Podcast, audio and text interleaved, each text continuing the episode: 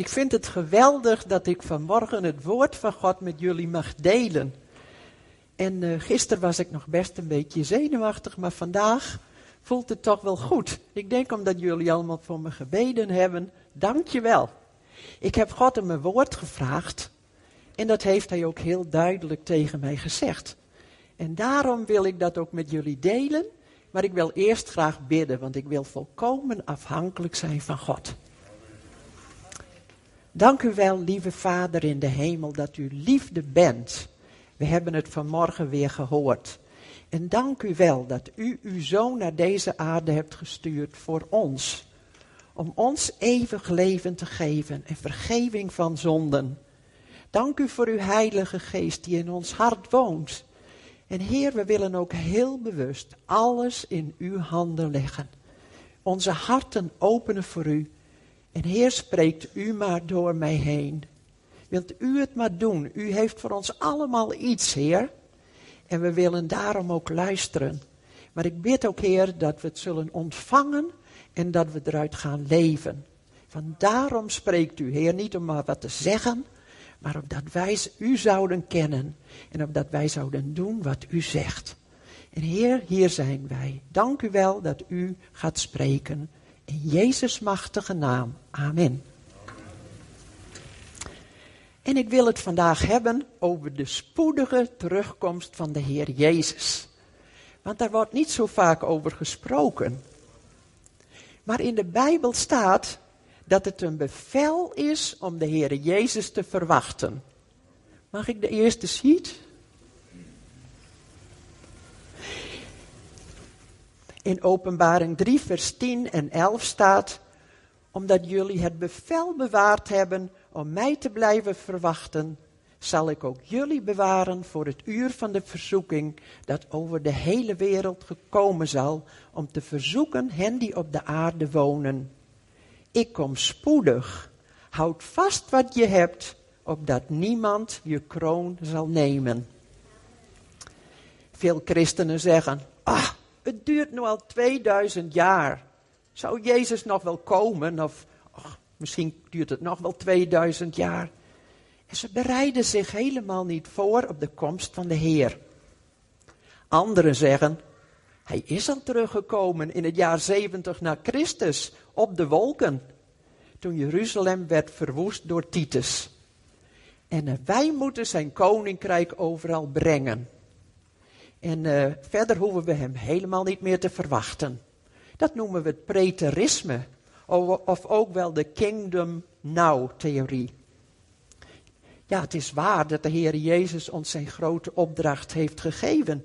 Hij wil dat we alle volken tot zijn discipelen maken. Hij wil dat we hen dopen en dat we hem leren wie hij is en wat hij gezegd heeft. Maar niet alle profetieën, niet alle woorden die God gesproken heeft door de profeten en door zijn zoon Jezus Christus zijn vervuld. Er zijn al heel veel woorden wel vervuld. Jezus is immers geboren in Bethlehem. En hij is gestorven voor onze zonden. Dat is allemaal vervuld. Maar er staan nog veel meer profetieën, veel meer woorden in de Bijbel. En ik geloof dat God die ook letterlijk gaat vervullen. Want God doet altijd wat hij zegt. En hij heeft het profetisch woord aan ons gegeven als een lamp voor onze voet. Als we kijken naar het profetisch woord, dan weten we wat God gaat doen in de toekomst. Maar nu wil hij alle volken nog een kans geven om hem te leren kennen. Hij verlangt ernaar dat we allemaal kiezen voor Jezus. Niet omdat het moet, maar omdat we zijn grote liefde zien voor een ieder van ons. Maar er staat ook in de Bijbel dat God de mensen die niet geloven en niet willen geloven, de Heer Jezus niet willen, dat Hij ze zal straffen. We kunnen dat bijvoorbeeld lezen in Openbaring 20. Alle mensen komen voor de grote troon van God. En die hem afgewezen hebben, ja. Hij zegt gewoon, ja, jullie willen op aarde niet bij mij horen. Waarom zouden jullie dat nu wel willen? De Bijbel zegt dat er een dag komt dat alle heidenvolken zullen optrekken naar Israël en naar Jeruzalem. En dat de Heer Jezus dan zelf terugkomt op de Olijfberg. Met alle heiligen met hem. En dan zal hij strijden tegen al die volken die zijn opgetrokken tegen Jeruzalem. We kunnen dat lezen in Zachariah 14, maar ook in Ezekiel 38 en 39. De Heer Jezus is nu in de hemel. Maar hij komt terug, en nu niet als een baby, maar als een rechter en als de koning van Israël. En hij zal alle volken straffen op grond van hun daden. En hij zal de bokken van de schapen scheiden. Dat staat in Matthäus 25. Ik denk dat jullie dat allemaal wel weten. En de schapen, die mogen zijn koninkrijk binnengaan. Maar de bokken, die worden naar het eeuwige vuur gestuurd. Dat voor de duivel en zijn demonen bereid is. Dit oordeel noemen we de dag des Heren. Of de dag van Gods toorn. Het is Gods straf. God is niet alleen liefde, maar God is ook heilig en rechtvaardig. En hij zal de mensen die hem niet willen geloven uiteindelijk toch ook oordelen. En de Heer Jezus die zal zelf zijn koninkrijk van recht en gerechtigheid en vrede op aarde oprichten. Wij proberen dat soms zelf, maar dat lukt ons niet, hè? Overal op aarde is nog oorlog, overal is uh, ja, onrust. Maar straks komt hij en dan gaat hij zijn vrederijk oprichten. En de Bijbel noemt dat het duizendjarig vrederijk. We kunnen dat allemaal lezen in Openbaring 10. En uh, ik raad jullie ook aan. Lees dat hele hoofdstuk thuis eens door. Openbaring 20. Ik zeg geloof 10, 20. Dan zal de duivel gebonden zijn en opgesloten worden. En dan kan hij de volken niet meer verleiden. En weet je wat er dan ook gebeurt? Alle volken moeten elk jaar naar Jeruzalem gaan om neer te knielen voor koning Jezus en om het Loofhuttenfeest te vieren. Waaraan kunnen we zien dat de komst van de Heer Jezus dichtbij is? Mag ik nu de volgende sheet? In Matthäus 24, vers 13, vers 3 tot 13 vertelt de Heer Jezus dat zelf aan zijn discipelen.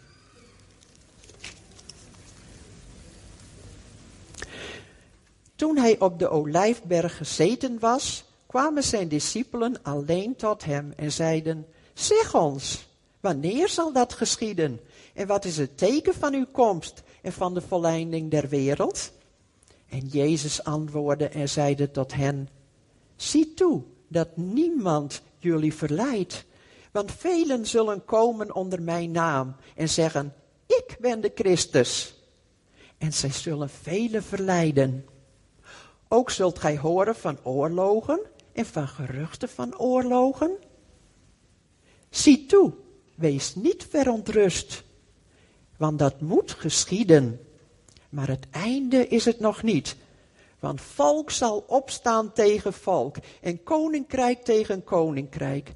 En er zullen nu hier, dan daar, hongersnoden en aardbevingen zijn.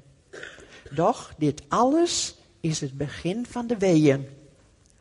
Dan zullen zij u overleveren aan verdrukking. En zij zullen u doden. En gij zult door alle volken gehaat worden, om mijn naams wil. En dan zullen velen ten val komen. En zij zullen elkander overleveren en elkander haten. En vele valse profeten zullen opstaan. En velen zullen zij verleiden. En omdat de wetsverachting toeneemt, zal de liefde van de meesten verkillen. Maar wie volhardt tot het einde, die zal behouden worden. En dit evangelie van het koninkrijk zal in de gehele wereld gepredikt worden tot een getuigenis voor alle volken. En dan zal het einde gekomen zijn.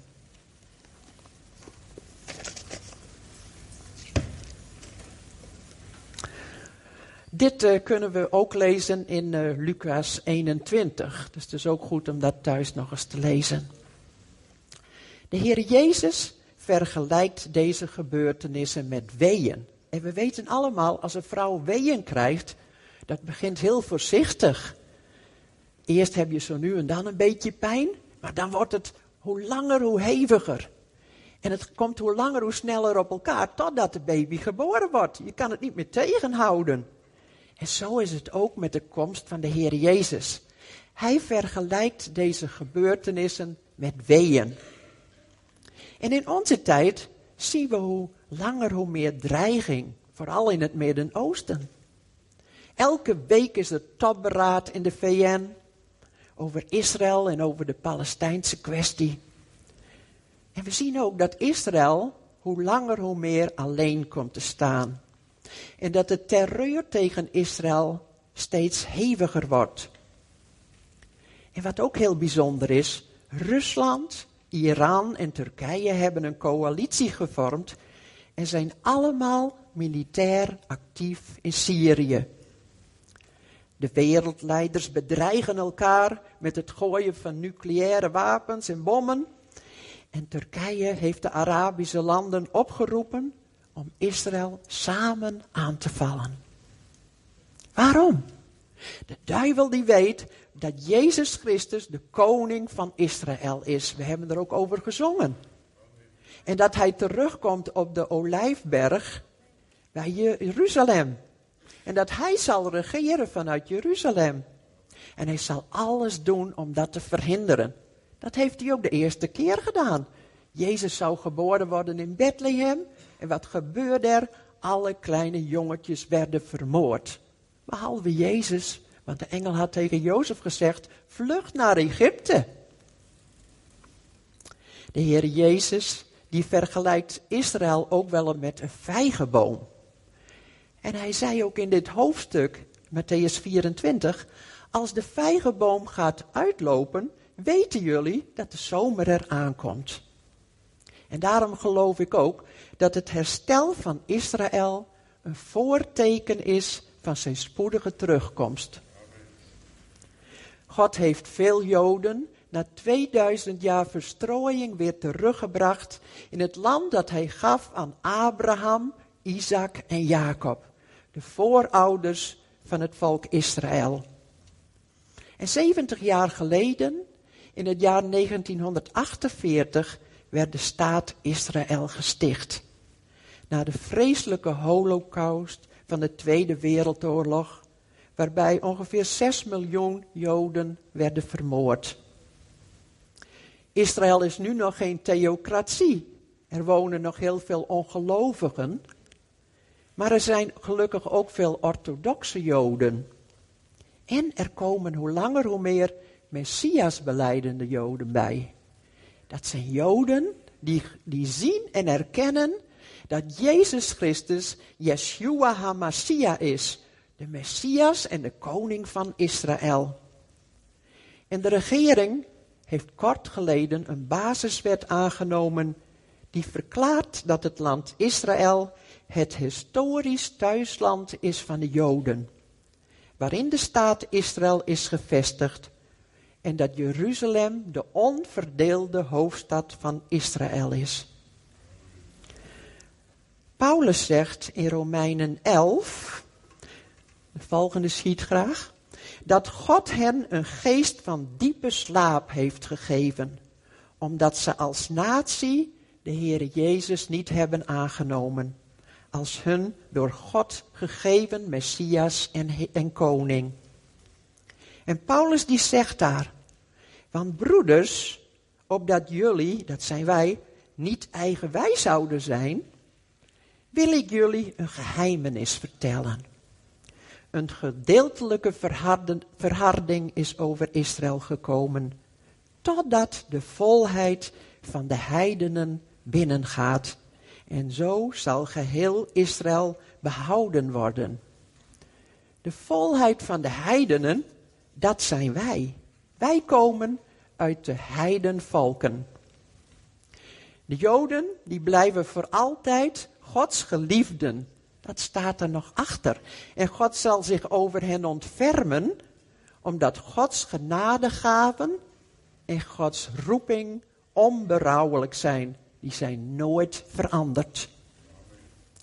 In Zacharia 12 en 13 staat dat God straks de geest van de genade en de gebeden over hen zal uitstorten.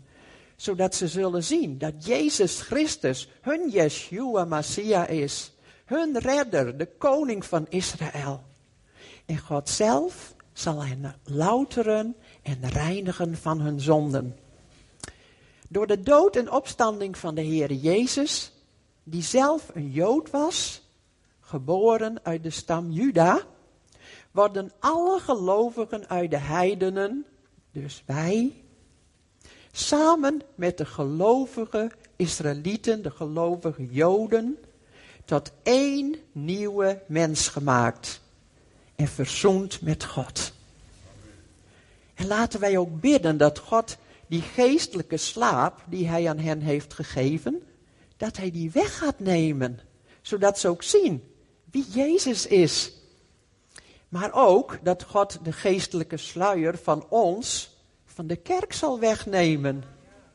Want wij zien vaak helemaal niet meer dat het volk Israël nog steeds Gods oude verbonden volk is. En dat hij nog een plan heeft met zijn volk. En de Bijbel die roept ons ook op om te bidden voor de vrede van Jeruzalem. Jezus Christus, Yeshua HaMashiach, is hun vrede en onze vrede. Israël wordt nu al maandenlang bedreigd met ballonnen en met kites, waaraan explosieven hangen en brandbommen. En er zijn enorme branden gesticht vanuit de Gazastrook. 2500 hectare bos en landbouwgrond is al verwoest. Ik weet niet of jullie dat gezien hebben. Vreselijke branden. Dieren zijn verbrand, een vakantieoord, gebouwen. Het is vreselijk. En afgelopen week werd Israël weer bestookt met 150 raketten. En uh, die hebben heel veel schade aangericht. En uh, ja, het geeft ook heel veel angst bij de mensen, vooral ook bij de kinderen. Al die kinderen die steeds weer in de schuilkelders moeten vluchten. Ze hebben gewoon trauma's opgelopen. Maar als Israël zich verdedigt als reactie en de Hamas-doelen aanvalt, dan worden ze zoals altijd door de media afgeschilderd als de grote boosdoener. De terreurorganisatie Hamas besteedt de miljoenen die ze krijgen van de VN en van andere organisaties niet aan de opbouw van de Palestijnse land daar en voor de mensen die daar wonen in de Gazastrook, maar voor wapens en voor het bouwen van ondergrondse tunnels om Israël binnen te kunnen vallen en de mensen daar te kunnen vermoorden. En ze leren de kinderen op school om de Joden te haten. En daarom denken al die Palestijnen die daar wonen van Israël is onze vijand. We moeten hen vermoorden. Ze worden volgepompt met haat. Ik las dat uh, deze zomer dat heel veel kinderen een militaire training krijgen om uh, te leren hoe ze de Israëlieten kunnen ombrengen. En ik zag op internet dat Palestijnse vrouwen witte ballonnen oplaten met de tekst I love you. Maar aan deze ballonnen hangen explosieven. En ze hopen dat de Joodse kinderen deze gaan oppakken zodat ze gaan sterven. En weet je wat nog erger is? Hamas stuurt vrouwen en kinderen en jonge mensen naar de frontlinies, zodat zij tegen alle waarschuwingen in van Israël soms gedood worden. Maar Hamas zegt, doe dat maar, want Allah zal je belonen. Je krijgt 70 maagden en uh, je hebt een heerlijke toekomst als je sterft. De media verdraait de feiten en de wereld, de wereld zwijgt. En wat nog erger is, wij christenen zwijgen meestal ook. Waar hebben we dat eerder gezien? En wat waren de vreselijke gevolgen? Zijn we dan de concentratiekampen en de gaskamers van de Tweede Wereldoorlog al vergeten? De God van Israël is ook onze God. En daarom zouden we biddend achter Israël moeten staan en samen moeten protesteren tegen de behandeling van Hamas, van hun eigen bevolking, want dat is heel erg, maar ook tegen de terreur tegen Israël. Word wakker, laat je niet langer misleiden door de media en terreurorganisaties. Ga zelf onderzoeken hoe het zit. Zoek op bepaalde pagina's die wel de waarheid weten of berichten uit Israël hoe de ware feiten zijn. En ga ook ontdekken waarom de staat Israël is ontstaan en hoe dat allemaal is gegaan. Dat is allemaal heel legaal gegaan. Ga het lezen. Er zijn bijvoorbeeld wel sites als Zoeklicht of Christenen voor Israël en zo zijn er nog heel veel andere sites. De Heer Jezus die zei ook in dat stukje wat we voorgelezen hebben, dat er veel geestelijke misleiding komt. Veel valse christenen en valse profeten voordat hij terugkomt. En dat zien we ook al allemaal om ons heen. Er zijn, er zijn mensen die zeggen, ik ben de Metraia, ik ben de Christus. En de geest van de antichrist is heel actief om Gods woord te verdraaien en mensen op een verkeerd spoor te zetten. En er zijn ook al heel veel antichristelijke invloeden en menselijke leringen de kerken binnengekomen. Wat denk je van de Maria-verering? Of dat we bidden tot heiligen? De Heer Jezus zegt, je moet bij mij zijn. Je moet niet tot hen bidden. Ik ben de weg, de waarheid en het leven. En niemand komt tot de Vader dan door mij. De Heer Jezus die zit nu in de hemel aan de rechterhand van God. En hij zit daar als een machtige held, bekleed met macht en met majesteit. En dag en nacht wordt hij aanbeden door alle schepselen die in de hemel zijn. En alle engelen. En uh, hij heeft zijn heilige geest aan ons gegeven als zijn plaatsvervanger op aarde. Maar de paus die zegt, ik ben de plaatsvervanger van Jezus. Wie heeft er nou gelijk? De Heer Jezus of de paus? Ja. Terwijl de Heer Jezus ziet wat er allemaal gebeurt, zegt hij daarom ook tegen ons. Word vol van de Heilige Geest. Want als je vol bent van de Heilige Geest, dan geeft Hij jou onderscheid. Dan laat Hij jou zien wat de waarheid is. En Hij zegt, word één met elkaar. Wees één. Ga elkaar toch niet altijd bestrijden. Ga toch niet altijd naar de ander kijken. Ik hou van alle mensen. Dat is vanmorgen ook gezegd. Al die kinderen van mij, ik heb ze lief. En we mogen verschillend zijn, lieve mensen. Maar als we maar heel veel van de Heer Jezus houden. En als we maar willen doen wat Hij zegt. En dan kunnen we best over een paar dingetjes anders denken. In onze tijd zijn er ook heel veel mensen die doen mee met de Chrislam. Hebben jullie daar wel eens van gehoord? Chrislam? Nou, dat is weer een nieuwe religie. En de Chrislam die uh, is eigenlijk ontstaan in uh, Nigeria, in Lagos. En de Chrislam die zoekt raakvlakken in de Bijbel en de Koran. En uh, christenen en moslims die houden dan samen diensten. En ze zeggen Mohammed, Mozes, Jezus. Het zijn allemaal profeten met de gelijke status. Ze zijn allemaal gelijk. Is dat zo? Nee toch? De Heer Jezus is veel meer dan een profeet. Hij is de zoon van God. Maar, wat zeggen de Mohammedanen? Allah heeft geen zoon. Dus Allah en de God van Abraham, Isaac en Jacob is niet dezelfde God. Jongens, geloof dat niet meer. Weet je wat Yasser Arafat zei? Jezus Christus was de eerste Palestijnse martelaar. Ja, en zo worden al die mensen verleid en ze weten niet meer wat de waarheid is.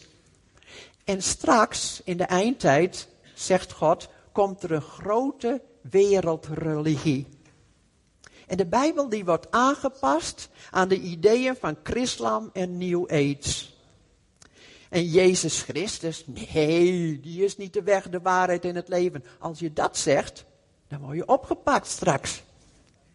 Hij is alleen maar een profeet.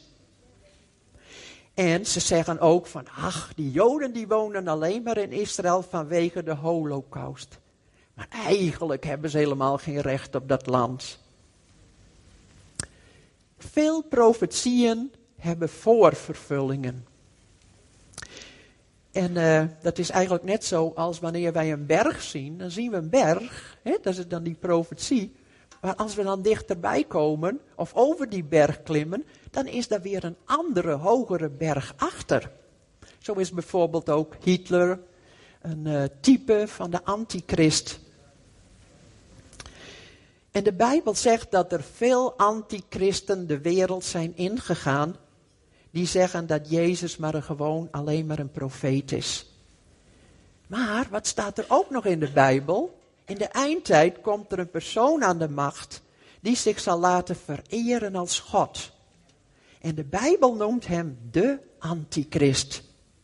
Paulus schrijft over hem in 2 Thessalonicensen 2, vers 3 tot 12. Ik kan het niet allemaal voorlezen, anders zou ik het graag doen. Doe dat thuis. 2 Thessalonicensen 2. De antichrist zal geholpen worden door de valse profeet. En zij zullen door de macht van Satan grote tekenen en wonderen doen op aarde.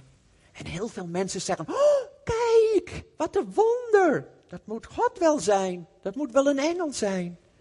Maar ook de duivel kan grote tekenen en wonderen doen. Wees gewaarschuwd. In Openbaring 13 worden zij het beest uit de zee en het beest uit de aarde genoemd.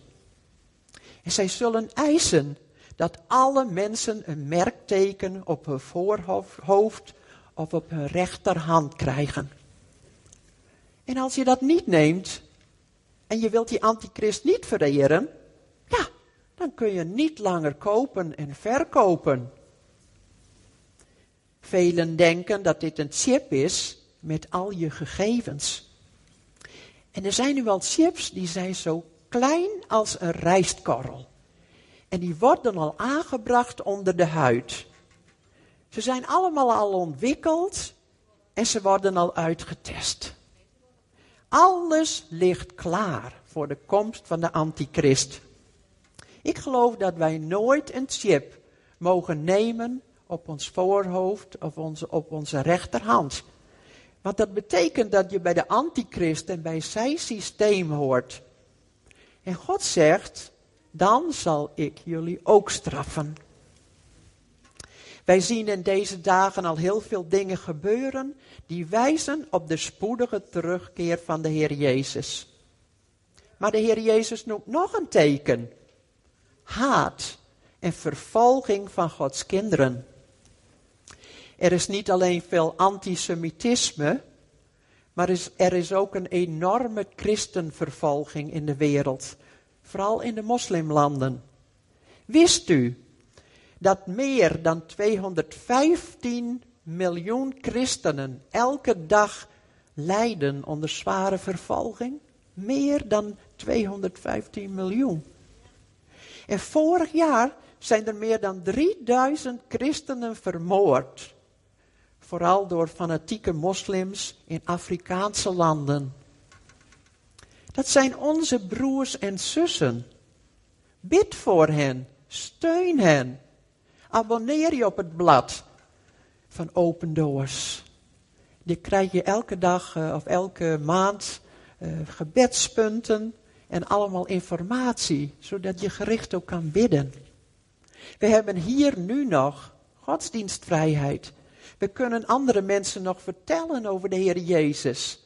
En dat Hij ons een nieuw leven wil geven. En we mogen nog bidden voor een opwekking in Nederland en Europa. Laten we dat dan ook doen. De situatie kan zomaar veranderen.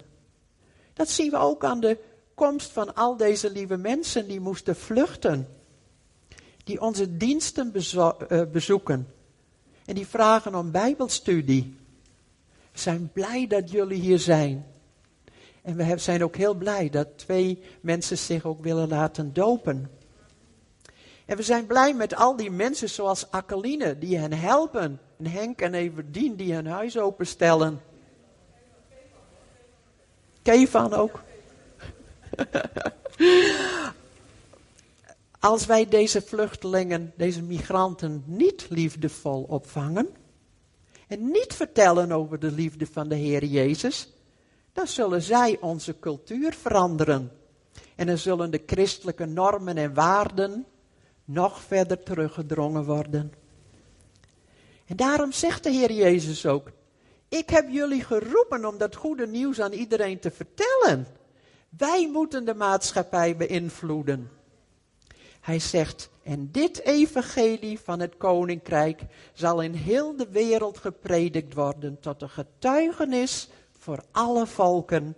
En dan zal het einde komen. Dat staat ook in Matthäus 24. In onze tijd wordt wereldwijd geprobeerd om alle etnische volken te bereiken met het goede nieuws. Dat God van mensen houdt en dat hij hen wil redden en hun zonde wil vergeven. En ze gebruiken ook vaak zo'n film over het leven van Jezus. En men heeft berekend dat voor het jaar 2030 alle etnische volken bereikt kunnen worden. En daarom zei uh, dominee Bottenblij ook, ik geloof dat het niet zo lang meer zal duren voordat de Heer Jezus terugkomt. De Heer Jezus zei tegen zijn volgelingen, tegen ons dus, dat het niet gemakkelijk zou zijn op aarde. Wij denken van ja, wij hebben altijd vrede, we kunnen doen en willen wat we zelf willen. Maar hij zei, in de wereld zullen jullie verdrukking lijden. Maar heb goede moed. Ik heb de wereld overwonnen. Bent u, ben jij bereid de Heer Jezus te blijven volgen als het hier ook moeilijk wordt? Het is goed om daar eens over na te denken. Wij kunnen alleen maar staande blijven door de kracht van de Heilige Geest die in ons woont. En de Heer Jezus zei, wie volhardt tot het einde, dus die volhoudt tot het einde, die zal met mij regeren in mijn koninkrijk. En we mogen weten, de Heer Jezus komt terug. Hij zal een einde maken aan alle ellende. En hij zal zijn kinderen thuis brengen. Is dat niet heerlijk? Hij is de grote overwinnaar over de Satan, de zonde, de dood, over alle kwaad wat er is in de wereld. En Paulus die zegt, bijvoorbeeld in 1 Thessalonicense 5, vers 22 en 23, dat God op zoek is naar een reine bruid. We hebben er vanmorgen over gezongen dat we de bruid van Christus mogen zijn. Maar die reine bruid, die is natuurlijk rein door de Heer Jezus. Maar die bruid, die moet er ook voor kiezen om niet mee te doen met de zonde. Anders blijft ze toch niet onberispelijk bewaard. Dat is wat God graag wil. Dat we ervoor kiezen om nee te zeggen tegen de zonde. Dat we meer en meer op de Heer Jezus gaan lijken. En dat we ons door de Heilige Geest in geest, ziel en lichaam willen laten heiligen. De duivel, die doet er alles aan om ons af te houden van het zoeken van God en zijn koninkrijk. Hij zegt op heel veel manieren tegen ons: Laat je toch geen wetten en regels opletten. Doe wat je fijn vindt. Kijk, de zon schijnt, waarom zou je naar de kerk gaan? Kijk, je hebt alweer een berichtje op je mobieltje. Van wie zou dat zijn? Ja toch? Wij herkennen dat allemaal. En daarom heb ik ook een vraag aan jullie. Hoeveel tijd besteed je gemiddeld per dag aan je mobieltje aan je sociale media, je sport, je hobby's en al die dingen die jij fijn vindt. Hoeveel tijd zou dat zijn? Wie weet dat? Niemand zegt wat. Nou, maar hoeveel tijd besteed je, besteed je aan je relatie met de Heer? Elke dag. Zet je tijd apart om Hem te ontmoeten, naar Hem te luisteren, Zijn woord te lezen. Je zegt toch dat je hem volgt, dat je een christen bent? Een christen is iemand die Christus navolgt. En daarom heb ik een heel goed idee. Zullen we de komende week allemaal eens bijhouden hoeveel tijd wij geven per dag aan onze relatie met de Heer? En hoeveel tijd per dag we geven aan de sociale media, aan ons mobieltje, computer, filmpjes, uh, ja, Instagram, Facebook, weet ik waar we allemaal naar kijken. Hè? Zullen we dat eens doen? Wie wil meedoen? Yeah, doe eens. Doe dat het komende week eens. Want kijk, dan pas ga je ontdekken hoe de vork in de steel zit. Want we houden onszelf allemaal voor de gek. We denken, oh, het is maar een half uurtje per dag. Het is maar een uurtje misschien. Maar... En als we dan uh, ja, vragen van hoeveel tijd ben je dan lekker aan de voeten van Jezus geweest, zoals we vanmorgen hebben gezongen. Nou ja, ik heb gebeden bij het eten toch. En uh, ja, ook nog een klein stukje gelezen. Dat is toch mooi genoeg? Hoe zou God daar naar kijken? Ik bedoel, wij kunnen naar heel veel dingen goed praten, maar hoe zou God er kijken? De Heer Jezus die zegt, zoek eerst het koninkrijk van God en zijn gerechtigheid. En dan zal God jou alles geven wat je nodig hebt.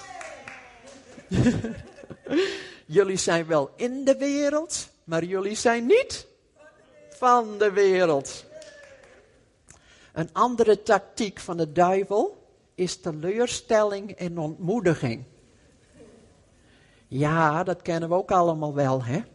Dan word je een beetje kritisch en dan ga je afgeven op anderen. En uh, dan zeg je, die kerk, ik wil me niet meer inzetten hoor, ik vind er allemaal niks meer aan. Het is allemaal, die mensen doen soms zo vervelend en uh, ja, ik heb er genoeg van, ik leg mijn taak maar weer gauw neer. Ook dat herkennen wij allemaal wel, denk ik. En we doen er soms ook aan mee, maar het is niet wat de Heer wil. Want de Heer Jezus zegt, jullie zijn mijn lichaam. Ik ben het hoofd en ik wil dat jullie allemaal samenwerken in liefde.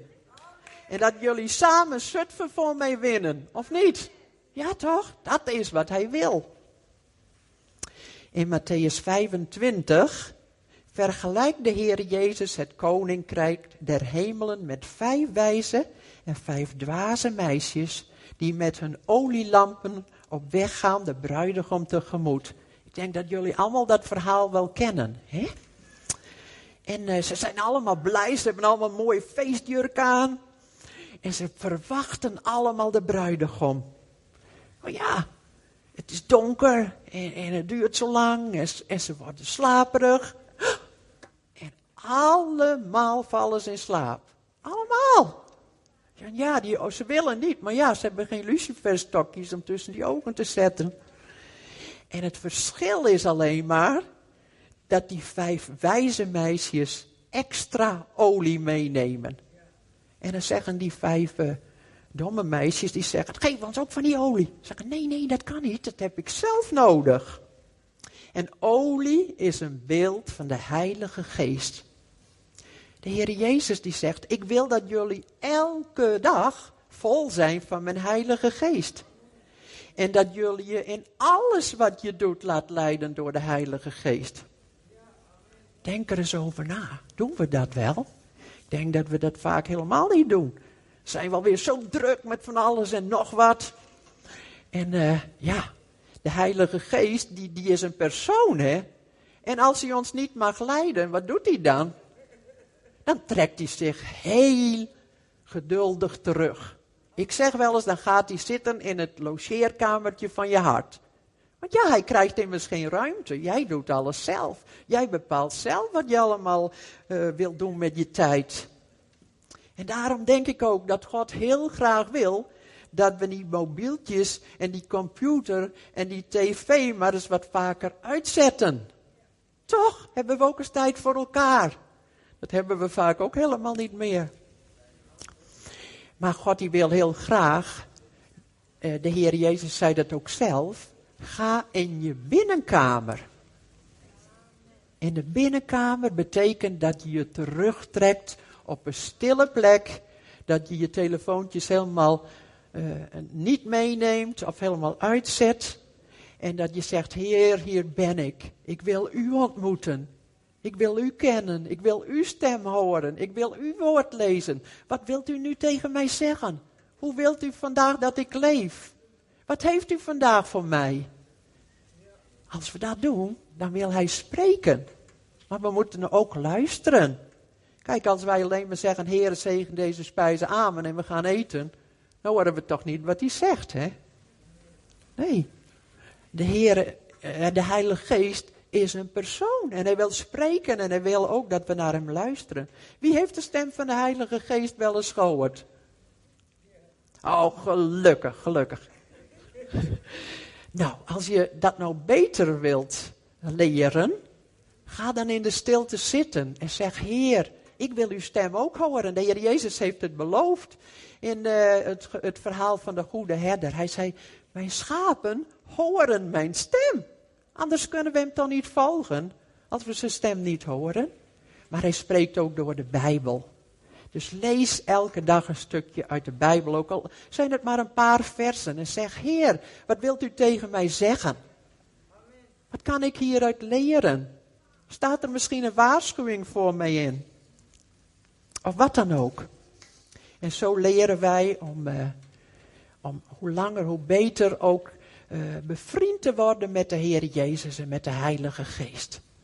Dat Hij niet meer een God is van veraf, maar dat Hij je beste vriend wil zijn. Deze vijf meisjes, die hebben dus geen hartsrelatie met de bruidegom. En ze hebben niet genoeg olie. Ze zijn niet vol van de Heilige Geest, want dan komen ze bij de bruiloftzaal. Ze hebben een vlug wat olie gekocht. Maar dan uh, kloppen ze daar op de deur. De deur die zit al dicht. En de bruidegom die zegt, ik ken jullie niet. Dat is erg. En zo kunnen wij dus ook christen zijn en naar de kerk gaan zo nu en dan misschien. En denken van, oh, de Heer die kent me wel, de Heer houdt wel van mij. Ja, de Heer houdt ook van jou. Maar hij wil ook dat je hem echt kent van hart tot hart. Wij kennen allemaal Willem, Alexander en Maxima, toch? Kennen we die allemaal? Nee, we hebben geen hartsrelatie met hen. En zo, dat is dus het verschil. De, de Heer Jezus wil dat we echt een relatie hebben. En dat we alles met hem delen en dat we hem vragen hoe we moeten leven. Hij heeft ons toch gekocht en betaald met zijn bloed. Als wij naar de winkel gaan, we kopen een mooie, wat zullen we zeggen, een televisie, of een jurk, of een mooie schoenen, nou, laten we maar op schoenen houden, die hebben we allemaal nodig. We kopen schoenen. Wat doen we dan met die schoenen? Ja, we trekken ze aan wanneer wij dat willen toch, hè? Want van wie zijn die schoenen? Ja, van jullie, als jullie ze betaald hebben tenminste. hè? Ja.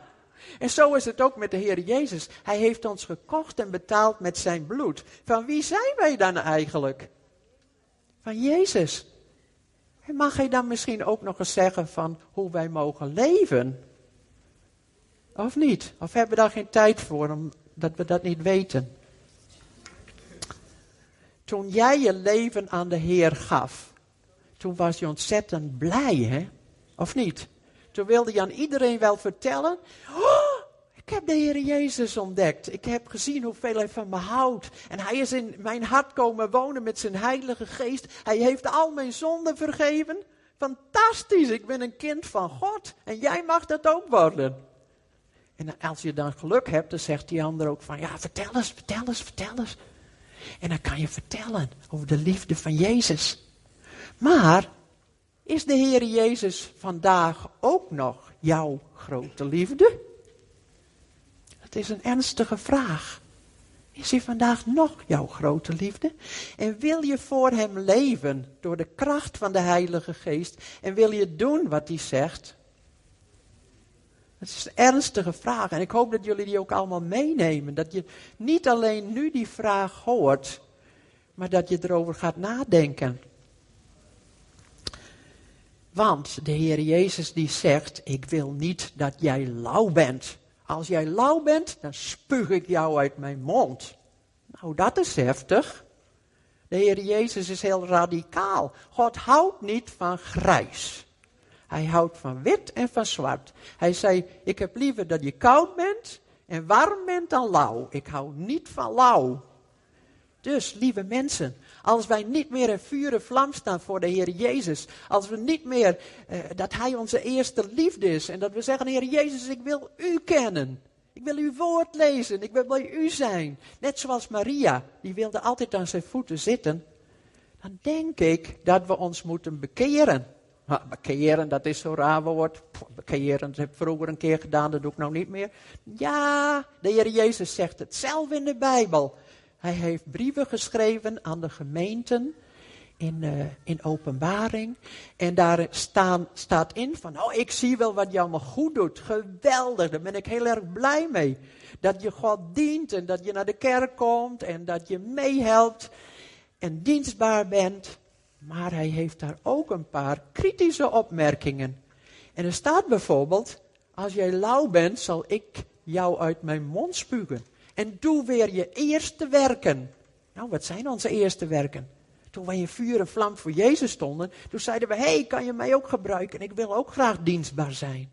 En ik wil anderen vertellen over Jezus. En daarom denk ik dat het heel goed is dat we heel eerlijk worden vandaag. Wat betreft onze tijd met Jezus, onze tijd met onze sociale media, maar ook onze liefde voor Jezus en onze toewijding. En ik hoop ook echt dat jullie je zal, zullen bekeren. Dat je, dat je iets gaat doen als de Heilige Geest vanmorgen tegen jullie gesproken heeft. Het is nog niet te laat. Mag ik de volgende sheet? Openbaring 3.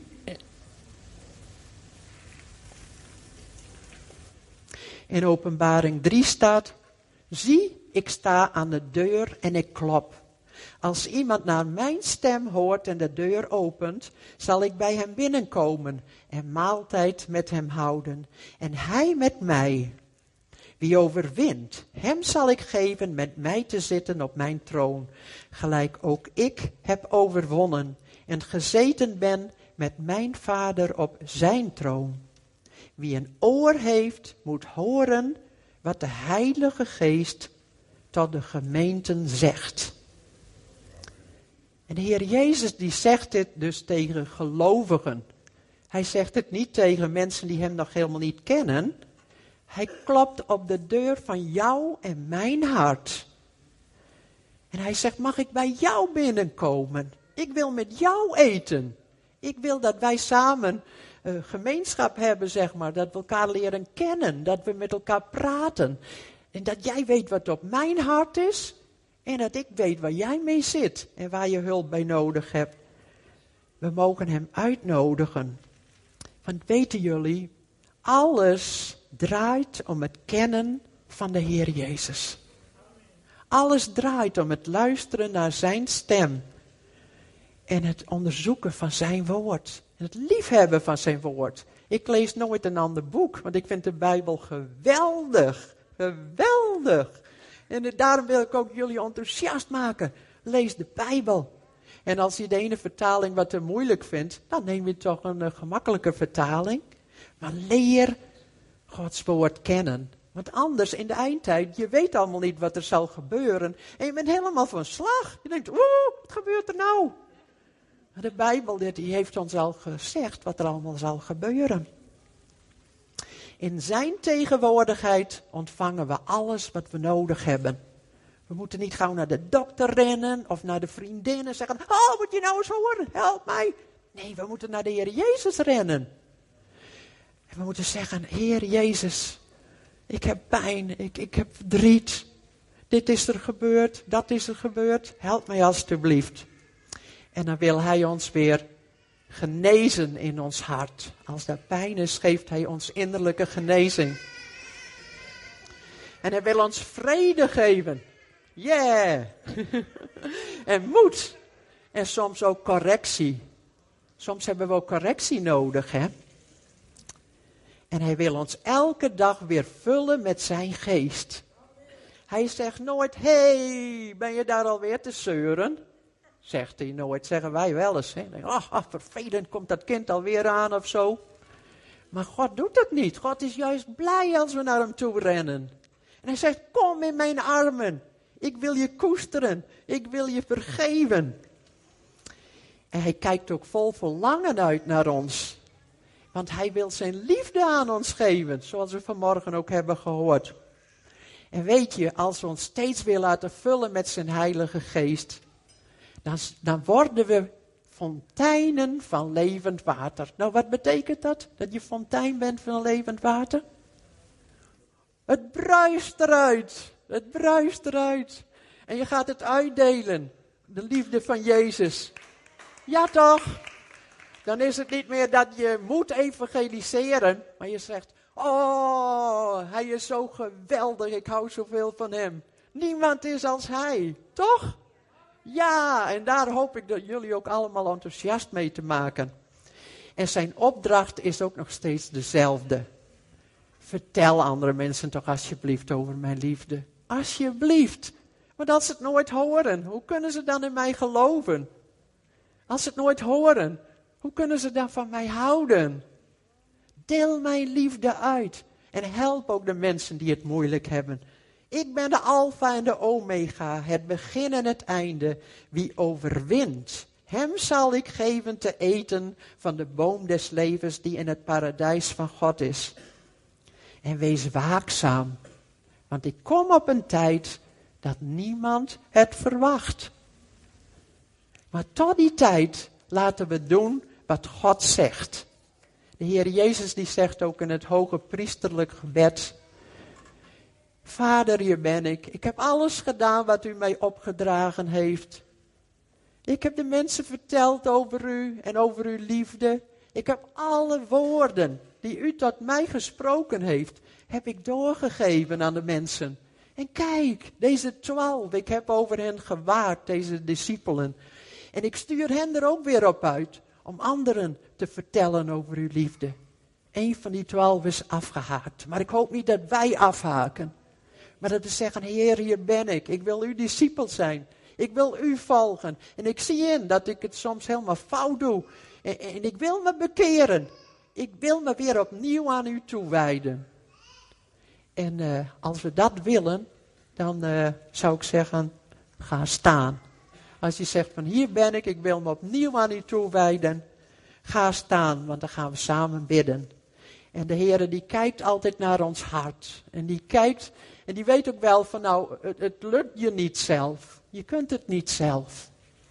Maar hij wil het door ons heen doen. Hij wil ons kracht geven. Hij wil ons laten zien dat hij van ons houdt en dat hij een geweldig plan heeft met ons leven.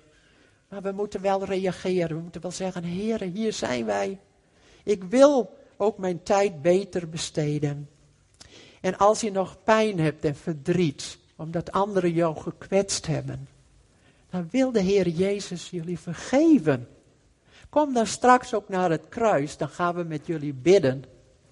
Want kijk, als we weer genezen zijn, dan kunnen we de Heer weer met vreugde dienen. Ik heb jaren geleden heb ik ontdekt dat het in de Bijbel staat dat God wil dat we Hem met vreugde dienen. Dan gaat Hij ons zegenen. Ja, dat las ik. Ik denk, ho ho, ik ga niet meer klagen, ik ga niet meer zeuren. Ik ga God met vreugde dienen, wat er ook gebeurt. En op onze oude dag moeten wij nog oudste worden. Ja, als God roept, dan zeg ik toch, Heer, hier ben ik. Gebruik me dan maar. Want ik wil leven tot uw eer. Zullen we samen bidden? Lieve Heer Jezus, hier zijn wij. U ziet ons, u kent ons. Heer, en als we ons nog niet helemaal aan u hebben overgegeven, als er nog een gedeelte is in ons hart, wat we voor onszelf hebben gehouden, Heer, dan bid ik ook dat we allemaal tegen u zullen zeggen, Heer, hier ben ik. Ik wil mijn hele hart, mijn hele leven aan u geven. Ik wil zo graag dat u mij helemaal vult, Heer, met uw Heilige Geest. Dat u niet in dat logeerkamertje van mijn hart hoeft te zitten. Maar dat u de ruimte krijgt. Ik wil u de ruimte geven. Hier ben ik, Heer. Ik wil me helemaal aan u geven. En Heer, soms ben ik ook een beetje lauw. Soms klaag ik ook wel eens, Heer. Maar ik wil niet lauw zijn, Heer, want ik hou van u. En hier ben ik. Vult u mij opnieuw met uw heilige geest en met uw liefde. En dan wil ik al die liefde die u in mijn hart geeft, Heer, wil ik allereerst aan u geven, want u bent het waard. Ik hou van u, Heer. Dank u wel dat u van mij houdt. Dank u wel dat ik mag leven onder uw zegen. Dank u wel dat u elke dag weer klaar staat om mij te vullen met uw heilige geest. Heer, ik, uh, ik, ik, zie ook bij mezelf, Heer, dat het helemaal niet zo eenvoudig is om u te volgen. Want we staan in deze wereld en er is zoveel afleiding. En we hebben allemaal een mobieltje. Of allemaal een televisie of een krant. Of uh, sport en spel en wat we allemaal maar doen. Hobby's. En heren, dat mag. U zegt, je mag overal van genieten. Als je mij maar wel de eerste plaats geeft in jouw leven. En heren, ik wil u opnieuw de eerste plaats geven in mijn leven. En ik wil ook vaker dat knopje uitdoen. En ik wil zeggen, Heer, hier ben ik. Ik wil bij u zitten, net zoals Maria, naar u luisteren. Dank u wel voor uw geduld met een ieder van ons, Heer. En dank u wel, Heer, dat we ook mogen leren bidden. Heer, want soms dan denken we, oh, bidden, bidden, bidden. Maar u zegt, het is praten met mij en luisteren naar mij. Het is niet alleen maar zeggen, Heere, zegen deze spijzen, amen. Heere, zegen mij. Maar het is je hart met mij delen. Het is ook naar mij luisteren. Wat ik heel graag wil dat jij doet elke dag. Misschien even een klein kaartje of een telefoontje. Of een arm om iemand heen. Of een beetje belangstelling. Of iemand op de koffie uitnodigen. Heer, we willen het van u horen. Spreekt u maar een beetje luider, heren, in ons hart. En wilt u alle propjes maar wegnemen uit onze oren. Die hebben we misschien een beetje beschadigd door al die luide muziek, Heer. Maar we willen ze weer openen. We willen ze weer openzetten voor u, want we willen uw stem horen. Dank u wel voor uw liefde, voor uw genade, voor uw trouw. En dat het nog niet te laat is, heren. Wij willen Zutphen winnen voor Jezus. Maar dat kunnen we alleen maar, Heer, als we hand in hand gaan staan, schouder aan schouder. Dat we elkaar bemoedigen en helpen en zegenen. En dan gaat u het doen door ons heen. Dank u wel. In Jezus' naam. Amen.